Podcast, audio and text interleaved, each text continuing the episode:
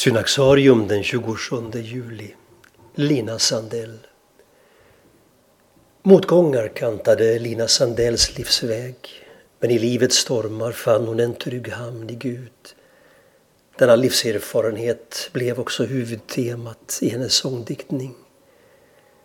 Lina Sandell, eller Carolina som hon egentligen hette, föddes år 1832 i Fröderyd i Småland som dotter till prästen Jonas Sandell och hans maka Fredrika.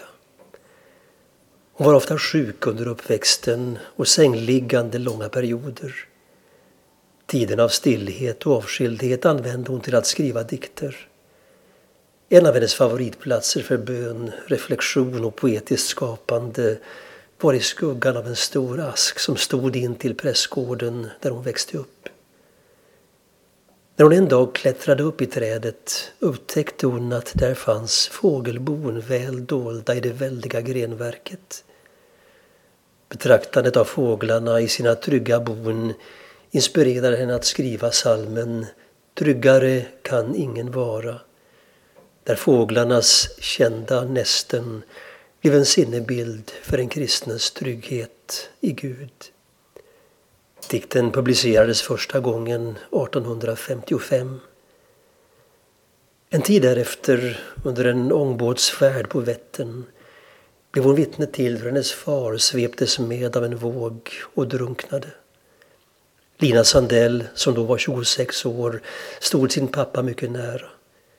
Händelsen var djupt traumatisk för henne samtidigt som hon på något sätt kände sig förberedd genom just den psalm hon fått skriva.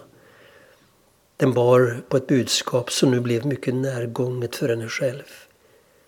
Ingen nöd och ingen lycka skall ut ur hans hand dem rycka. Han vår vän för andra vänner sina barns bekymmer känner. Vid den här tiden bildades Evangeliska Fosterlandsstiftelsen med Karl Olof Rosenius som ledare. År 1861 anställdes Sandell av stiftelsen bland annat med uppgiften att översätta och skriva andliga sånger. Många av hennes sånger tonsattes av Oskar Arnfeldt som också bidrog till deras spridning runt om i Skandinavien. Under sin levnad skrev Lina Sandell omkring 1700 dikter.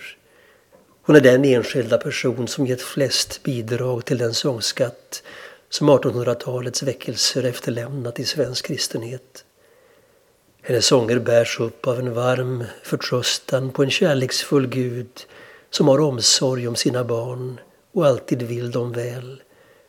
Ett tema som ofta kontrasteras mot de svårigheter och prövningar som barnen möter här i världen. Flera av hennes sånger hör än idag till de mest älskade och sjungna såsom Blott en dag, Bred dina vida vingar och En liten stund med Jesus. Lina Sandell gifte sig 1867 med handlaren C.O. Berg i Stockholm och antog då namnet Lina Sandellberg. Hon dog i Stockholm den 27 juli 1903.